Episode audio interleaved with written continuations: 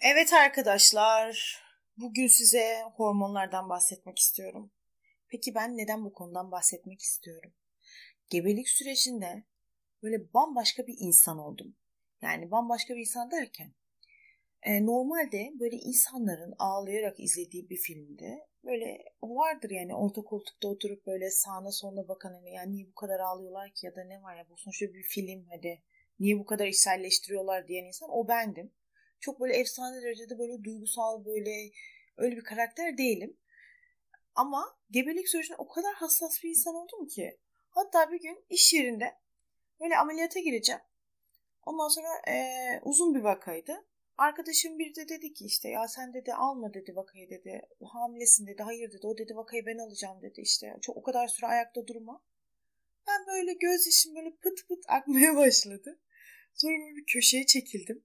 Çünkü e, iş hayatımdaki insanlar da benim o tipime alışkın değil. Köşeye çekildim ne oldu falan diyorlar. Böyle... Dedim ama ben herkese çok yük oluyorum. Kim? Normalde asla öyle bir insan değilim. Ben bugün onun işini hallederim. O benim yarın işimi halleder. Böyle bir arkadaşlık bağımız da bu şekilde. Niye bu kadar böyle olayları içselleştiriyorsun? Böyle bir şey oluyor falan. Sanki her şey bana söyleniyormuş gibi böyle bir tribe girdim. Sonradan dedim ki yani ben bu içimdeki bu farklı bir insan ne zaman bitecek dedim. Zaten ondan dolayı herhalde çok sevmedim o süreci. O süreç bittikten sonra artık normal bir insana dönmeye, yani kendime göre normal, eski halime dönünce işte bu dedim ya. Hayat bu çok zormuş dedim. Bu ne dedim böyle her şey dedim takılmak, ağlamak, sızlanmak, böyle her şeyin sana yapıldığını düşünülmesi falan. Ondan sonra dedim ki ya yok abi dedim ya. Bizi dedim biz yapan şey hormonlarmış dedim. Hani öyle değil mi zaten bu çok üzücü bir olay. Bu e, Bağcılar'da çok çok kötü ya. Annesinin kafasını kesip balkondan dışarıya çıkan, çıkartan bir tane çocuk var, adam vardı. Sonra e, polislere demiş ki e, anneme söyleyin kıyafetlerimi getirsinler demiş. Yani düşün kullandığı o e, maddeden sonra salgılanan o dopaminin oranının fazla olması artık hani şizofreni farklı bir şeyler görmeye, yaptığının da kendisiyle alakası olmadığını, kendi artık e, bilinci dışında hareket etmeye tetiklemiş. Yani onun için gerçekten hormonlar çok farklı ya. Yani insan denilen şey ne kadar değişik değil mi? Yani dünyayı algılama şeklimiz, algılarımıza göre hissettiklerimiz, hissettiklerimize göre verdiğimiz tepkiler, tepkilerin de sonucunda yaşamdan aldığımız tat ya da deneyimlediğimiz anlar. Hepsi tek bir şeye yani vücudumuzun salgıladığı hormonlara bağlı olduğunu İnanabiliyor musunuz? Yani yaşam deneyim denen bütün anların uçuca eklenip birleştirilmiş hali. Dolayısıyla insan bedeninin iç mekanizmalarını anlayacak ve yönlendirecek olma yetisi tüm yaşamını değiştirecek güce sahip olması anlamına geliyor.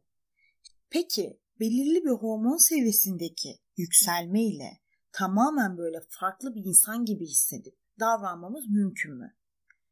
Yani eğer bu mümkünse kontrolden çıktığımız anlar için bir çeşit biyokimyasal sinyalleşmeyi suçlayabilir miyiz? Hani benlik bir şey yok. Arkadaşım hormonlarım yüzünden böyle oldu. Bu hormonları ele alacak olursak dopamin. Birçokları tarafından bağımlılık kelimesiyle özdeşmiş olan bir hormon. Motive olunan iş yapıldığı sırada motivasyonu sağlamak amacıyla salgılanan dopamin ile başlamak gerektiğini düşünüyorum ben. Bağımlılık yapan sigara, alkol, uyuşturucu gibi maddeler vücutta dopamin salgılanmasını sağlıyor ve motivasyonu arttırıyor. Uzun süreli dopamin dışarıdan tetiklenerek salgılanması da buna madde bağımlılığı diyoruz. Vücudu tembelleştiriyor ve dopamin salgılanmasını azaltıyor. Normal hayatlarda da bu insanlar böyle motivasyon, konsantrasyon sorunları çektikleri için tetikleyici olarak bu maddelerin tekrar vücuda alınmasını istemek durumunda kalıyorlar. Fakat her şeyin olduğu gibi dopaminin de fazlası zarar. Yani şöyle ki dopamin fazla salgılandığı zaman şizofreniye, psikoza neden oluyor. Dopamin oranı arttıkça beyin alakasız durumlar arasında ilişki kurmaya ve gerçekleştikten böyle kopmaya başlıyor. Böyle antidepresan ilaçlar e, dopamin seviyesini azaltmaya yönelik kullanılıyor. Ayrıca özellikle esrar ve kokain de dopamin seviyesini arttırarak hayal görmeye sebep oluyor. Hatta bunlar insanda kalıcı etki de bırakabiliyor. Eğer vücudun hali hazırda salgıladığı dopamin miktarı fazla ise siz de bu salınımı artıracak maddeler kullanıyorsanız şizofreni sürecini hızlandırıyorsunuz demektir. Dopamin hormonunun e, eksikliğini gidermenin pek çok farklı yolu var. Bir yani doktor tarafından dopamin hormonu eksikliğiniz teşhis edildikten sonra başlanacak ilaç tedavisiyle bir de bu yöntemlerden sadece biri tabii ki de ilaç tedavisine ek olarak dopamin hormonunu e, aşırıya kaçmadan doğal yöntemlerle de arttırmak mümkün. Mesela yüksek proteinli besinler tüketerek ya da doymuş yağ içeren besinlerin tüketimini azaltarak, düzenli egzersiz, uyku düzenini ayarlamak, güneş ışığında mahrum kalmamak, yani yürüyüş yapmak. Bunlar dopamin hormonunu arttırıyor. Diğer bir hormon ise oksitosin ve aşk. Bütün hormonların arasında belki de en yaygın bilineni oksitosindir. Genellikle aşk hormonu ya da sarılma kimyasalı olarak tanınır. Oksitosin hormonunun otizm, kaygı, depresyon ve kronik ağrı için potansiyel bir tedavi olabileceği öne sürülmüştür. Doğumda anne sütüyle beslemede ve orgazmda salınan oksitosin bizim de dahil olduğumuz birçok memelide anaçlık ve eşe bağlılık davranışını tetikler. 2005 yılında burun spreyi ile oksitosin verilen bireylerin çevrelerindeki insanlara daha fazla güvendiği ortaya çıkmıştır. Daha sonrasında yapılan araştırmalarda oksitosin koklamanın böyle cömertliğe, işbirliğini ve empati arttırdığı bulgularına ulaşılmış. Hatta cinsel yaşamı güçlendirdiği, kaygıyı azaltacağı ve güven duygusunu geliştireceği iddiasıyla bu ürünlerin ticari uygulamaları bile üretildi. Oksisin ürünleri yaygın olarak satılsa da özellikle bilim camiasında bu ürünlerin aldatıcı reklamlarına inanmayanlar var. Yapılan bir araştırmaya göre bilim insanları bile kendi araştırmalarının sonuç bölümünü terk etmiş gibi görünüyor. Yani çok saçma bir şey oldu bu. Yapılan bir araştırmaya göre bilim insanları da bu araştırmayla alakalı bir tane daha araştırma yapmış. şey bu e, Engin Günaydın'ın bir tane şeyi vardı ya Netflix'te bir tane dizisi var bu yeni olan. Bir şey söylüyor diyor ki sarı saçlı insanlar daha zeki oluyor. Bilim insanları böyle araştırmış. Sonra da diyor ya bilim kimsenin bilmediği bir şey. İstediğini sallıyorsun. Neyse. Oksitosinin kan beyin bir bariyerini de geçebildiği de kanıtlanmış. Bu hormon burnundan çeken bireylerde alınan omurilik sıvıları üzerine yapılan bir çalışmada bunun olabileceği önermesinde bulunuyor. Fakat kesin konuşmak için daha fazla çalışmaya ihtiyaç var. Dışarıda alınan oksitosin gerçekte de beynin içine girse bile etkileri duruma göre değişiklik gösteriyor. Farelerde yapılan araştırmalara göre oksitosin beyin devrelerinde değişikliğe sebep oluyor ve dolayısıyla sosyal olarak ilişkilerde de odaklanmayı sağlıyor insanların böyle karmaşık sosyal yaşantılarında grup bağlarını güçlendirmesinin yanında grubun dışındakileri de düşmanlığı artırabileceği ihtimaliyle bu etkinin olumlu ve olumsuz sonuçlarını bir arada bulunduğunu söyleyebiliriz diyor bir araştırma. İlgili alanda yapılan başka araştırma da yüksek dozda oksitosinin başkalarının düşüncelerine karşı bireylere aşırı böyle hassas yapmasıyla kaygı arttırabileceği önermesinde bulunuyor. Bu sebeple oksitosin takviyelerinde de şüpheyle yaklaşmak gerekildiği düşünülüyor. Ve diğer bir hormon ise açlık ve sinir hormonu. Bunu gerçekten bu hormon bence boğa burçları için üretilmiş bir hormon olduğunu düşünüyorum. Aç kaldığınızda sinirlenebildiğinizi fark ettiniz mi? Oldukça böyle yaygın görülen bu durumda açlık hormonu olarak adlandırılan girilen hormon rol oynuyor. Midenizin boşken salınan bu hormon bu nöropeptit, NPY seviyelerindeki artışı tetikliyor. Nöropeptit yeme istediğimiz oluşumunda ve sinir ile saldırganlık dahili olan bir sinir ileticisi.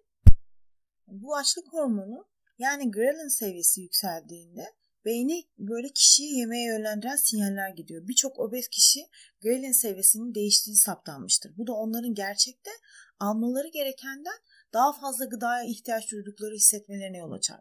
Bu hormonun seviyeleri gıda alımından önce yükselir ve bir, miktar kalori alımıyla birlikte düşer. Diyet yapan insanlarda grelin seviyesi yükselir. Bu da diyetle böyle uzun vadeli kilo kaybı sağlamanın nedeni bu kadar zor olduğunu açıklıyor zaten bu durum. Öte yandan obez kişilerde grelin seviyelerinde öğünlerden sonra yaşanması gereken düşüş normal kilolu kişilere göre daha azdır. Bu da yeterince gıda alındığı halde iştahın devam etmesine veya kısmi zamanda geri gelmesine neden oluyor. Yani grelin kilo almasını, kilo almayı inanılmaz derecede etkileyen bir hormon.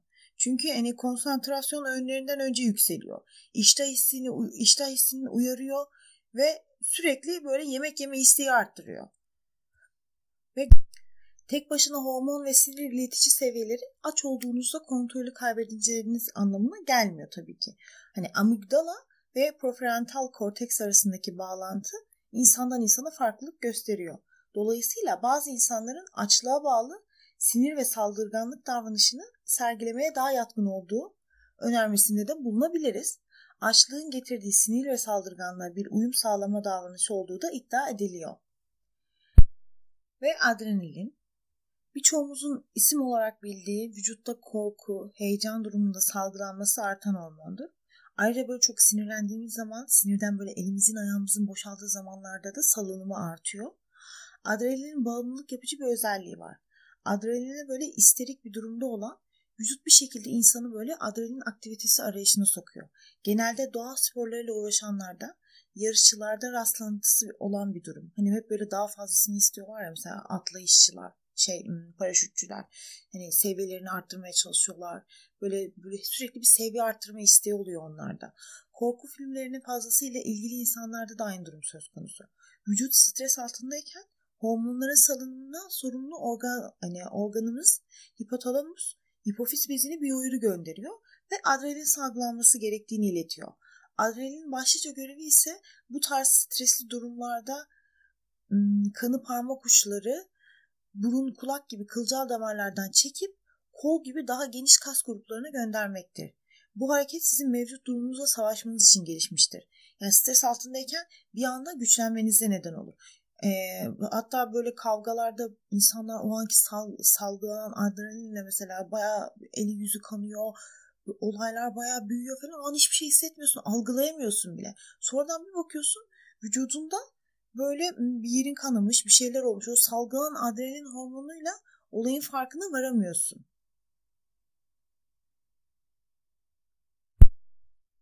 Bir de kortizol hormonu var. Kortizol hormonu stres hormonu olarak da biliniyor. Böyle stres tehlikeli altında salgılanan böyle adrenalin ve noradrenalin, noradrenalin hormonlarının verdiği komuta göre böyle vücudun ihtiyacı olan enerjiyi saniyeler içinde yağları yakıp böyle glikoza çevirerek elde etmemizi sağlıyor. Böyle kendinizi koruyup kollayacak güce kavuşuyorsunuz. Bazı durumlarda olur yani adım atabilmek sizin için mucizeyken ya da bir kavgada aldığınız bir darbe sonrası hareket edemez hale gelirsiniz. Fakat bir anda böyle bir güç geliyor. Anlık bir güç. Ya da e, geçirilen bir trafik kazası sonrası yine böyle ilahi bir güç tarafından yapamam, yapamam dediğiniz yani şeyi yapamamanız gereken bir şey yapıyorsunuz. İşte bu gücün yaratıcısı kortizol hormonu. Ne de güzel hormonmuş. Keşke en çok bunu salgılasak diye olabilirsin ama e, erken karar vermemeniz gerektiğini şimdi anlayacaksınız. Çünkü bu güzel hormonun yanlarında böyle kortizol başta da denildiği gibi stres hormonu. Ve işin içinde stres varsa emin olun bizim zararımız olan çok şey oluyor. Bu hormon enerji sağlayabilmek adına e, glikoz ürettiği için bağışıklık sisteminize de bir nevi darbe vuruyor. Ve bu süreçte normalden daha fazla dışarıdan gelebilecek hastalıklara açık hale geliyorsun. Eğer geçmişte e, daha sık hasta oluyorsan bunun sebebi belki de daha fazla stresli olmanıza bağlamanın zamanı geldi. Vücudunuzun böyle anlık olarak kendi yenildiğini, ufak tefek sorunları size hissettirmeden kendi içinde çözdüğünü biliyorsun değil mi? Mesela yaralığına kabuk bağlaması, daha sonra iyileşmesi buna en güzel örnek. İşte kortizol bunu engelliyor. Çünkü e, stres altındayken bağışıklığınız azalıyor. Hasta oluyorsun, vücut kendi kendine yenilenemiyor. Psikolojik problemler, posttraumatik, stres bozukluğu, depresyon gibi rahatsızlıkların da kortizol miktarını yükselttiği göz önünde bulunuyor. Bu hormonun salgılanmasını azaltmak için öncelikle uykumuza çok ama çok dikkat etmemiz gerekiyor. Tek bir uykusuz geceden sonra bile kortizolun vücutta iki kat arttığı biliniyor. Ayrıca bir ilginç bilgi daha sabaha karşı kandaki kortizol düzeyi azalıyor. Bu nedenler de, nedenle de en fazla ölümler sabaha karşı meydana geliyor. Kortizol kötü adam olduğu olarak da düşünülebiliyor. Yani kronik sağlık durumlarının arasında bağlantısından dolayı kronik hastalıklarla alakalı. Bu sebeple birçok insanlar her ne koşulda olursa olsun bu hormonun se- seviyesini azaltması gerektiğine inanılıyor. Bir diğer hormonsa testosteron. Savaşlardan holiganlığa ya da bankacılık krizlerine kadar birçok şey için testosteronu suçlayan insanlar olabilir. Dolayısıyla bu hormonun pek de iyi bir üne sahip olduğu söylenemiyor. Yüksek testosteron seviyeleri statü arayışı davranışı ile bağlantılı olsa da bu davranışın ortaya çıkışı sosyal normlara göre farklılık gösteriyor. Enjeksiyon ile testosteron verilen bireyler bir oyun içerisinde kendisine adil davranmayan kişileri cezalandırmaya daha meyilli. Eğer rakibi cömert ise bu cömertliğe karşılık vermeye daha yatkın oluyor. Diğer taraftan yaygın bilinen aksine yüksek testosteron ile kellik arasında bir bağlantı yok. Saç kaybı 5-alfa yani reduktoz enziminin aktivitesinden kaynaklanıyor. Bu enzim testosteronu dönüştürüyor. Ee, bir de yalnızca küçük bir dozda testosteron e, dihidrotestosteronun yıkıcı dozunu oluşması için yeterli oluyor. Bir bireyi bu enzimi hangi miktarda üreteceğine ya da yani foliküllerin bu etkiye ne kadar hassas olduğunu karar veren şey genetik oluyor. Testosteron seviyesinin düşmesine erkek menopozunun sebep olduğu da çoğunlukla bir e, mitten ibaret oluyor. Testosteron seviyesi 30 yaşından sonra her yıl ortalama %1 olarak düşüyor. Fakat yalnızca erkeklerin %2'sinde tam gelişmiş belirtiler de görülüyor. Bu belirtilere libidonun kaybedilmesi, fiziksel sıhhatte oluştu düşüş ve tükenmişlik de dahil. Çoğu durumlarda testosterondaki yaşa bağlı düşüş değildir. Aşırı kilolu olmak da karın yağlanması, testosteronun östrojene dönüşmesinin bu belirtilerinde ortaya çıkmasına yaygın olarak sebep oluyor. Yani bu kilo alma olayı yağ oranı bilimde bile kadınlarla bütünleşmiş ya. Neden böyle kilo olup yağlanan insanlar östrojen betimlemesi yapılıyor diyeceğim ama bu konu gerçekten çok konuşulacak bir konu. Neyse ben hormonlar hakkında böyle ufak tefek ufak çaplı bir podcast oluşturdum. Görüşmek üzere. Sağlıcakla kalın.